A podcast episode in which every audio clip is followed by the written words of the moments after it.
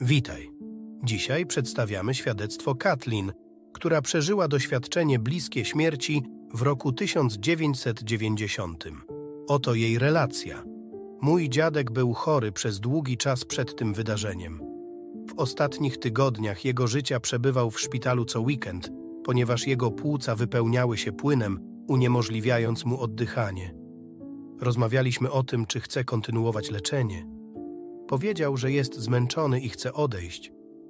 Tego dnia, kiedy moja babcia poinformowała nas, że dziadek ponownie stracił przytomność, pospieszyłam do ich domu.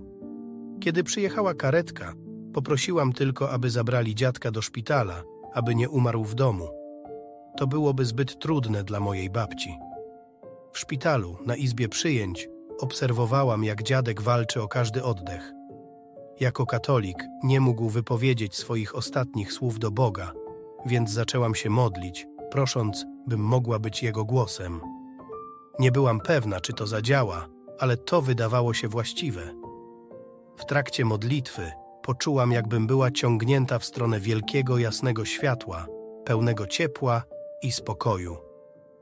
Czułam i widziałam dłoń dziadka w mojej. Mówił mi, że boi się i potrzebuje mnie przy sobie. Było to niezwykłe, ponieważ nie byłam martwa ani umierająca, ale czułam, jakby moje ciało było ciągnięte w stronę światła razem z dziadkiem. To światło otoczyło nas i stanęliśmy w miejscu pełnym niezwykłego blasku. Były tam inne osoby, ale nie mogłam ich rozpoznać. Czułam obecność czegoś lub kogoś innego zbliżającego się do nas. Gdy ta istota stanęła obok nas, zdałam sobie sprawę, że to był Jezus.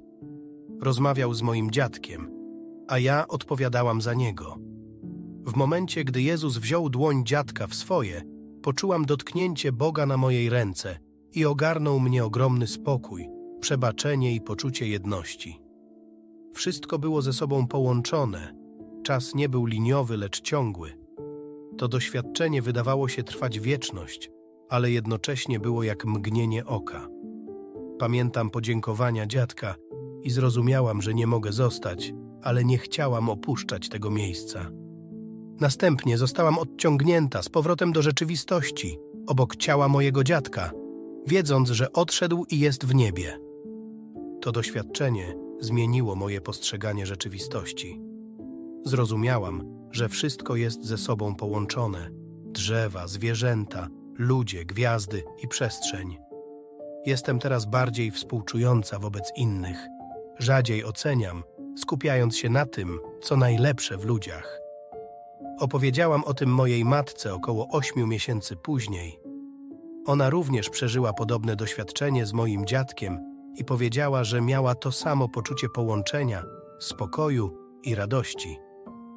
Obie miałyśmy trudności z opisaniem tego doświadczenia. To tak, jakby zwykłe słowa w żaden sposób nie mogły oddać tego, co widziałyśmy, czułyśmy i doświadczyłyśmy. Doświadczenie było zdecydowanie prawdziwe. Wciąż na nowo przeżywałam to doświadczenie w moich snach i chwilach czuwania, próbując znaleźć pasujące słowa. Nadal mam trudności ze znalezieniem odpowiednich słów.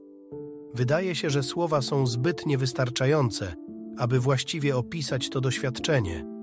Więc wiem, że może być trudno uwierzyć, że mogłam doświadczyć tego nie będąc martwą ani bliska śmierci, ale jednak to przeżyłam. Było to i jest tak samo rzeczywiste dziś, jak w chwili, gdy to się wydarzyło. Byłam równie zaskoczona, że to się mnie przydarzyło. Zawsze myślałam, że takie rzeczy dzieją się tylko wtedy, gdy umierasz, a nie gdy jesteś tam modląc się za kogoś innego. Tak kończy się relacja Katlin. Dziękuję za wysłuchanie i do następnego razu.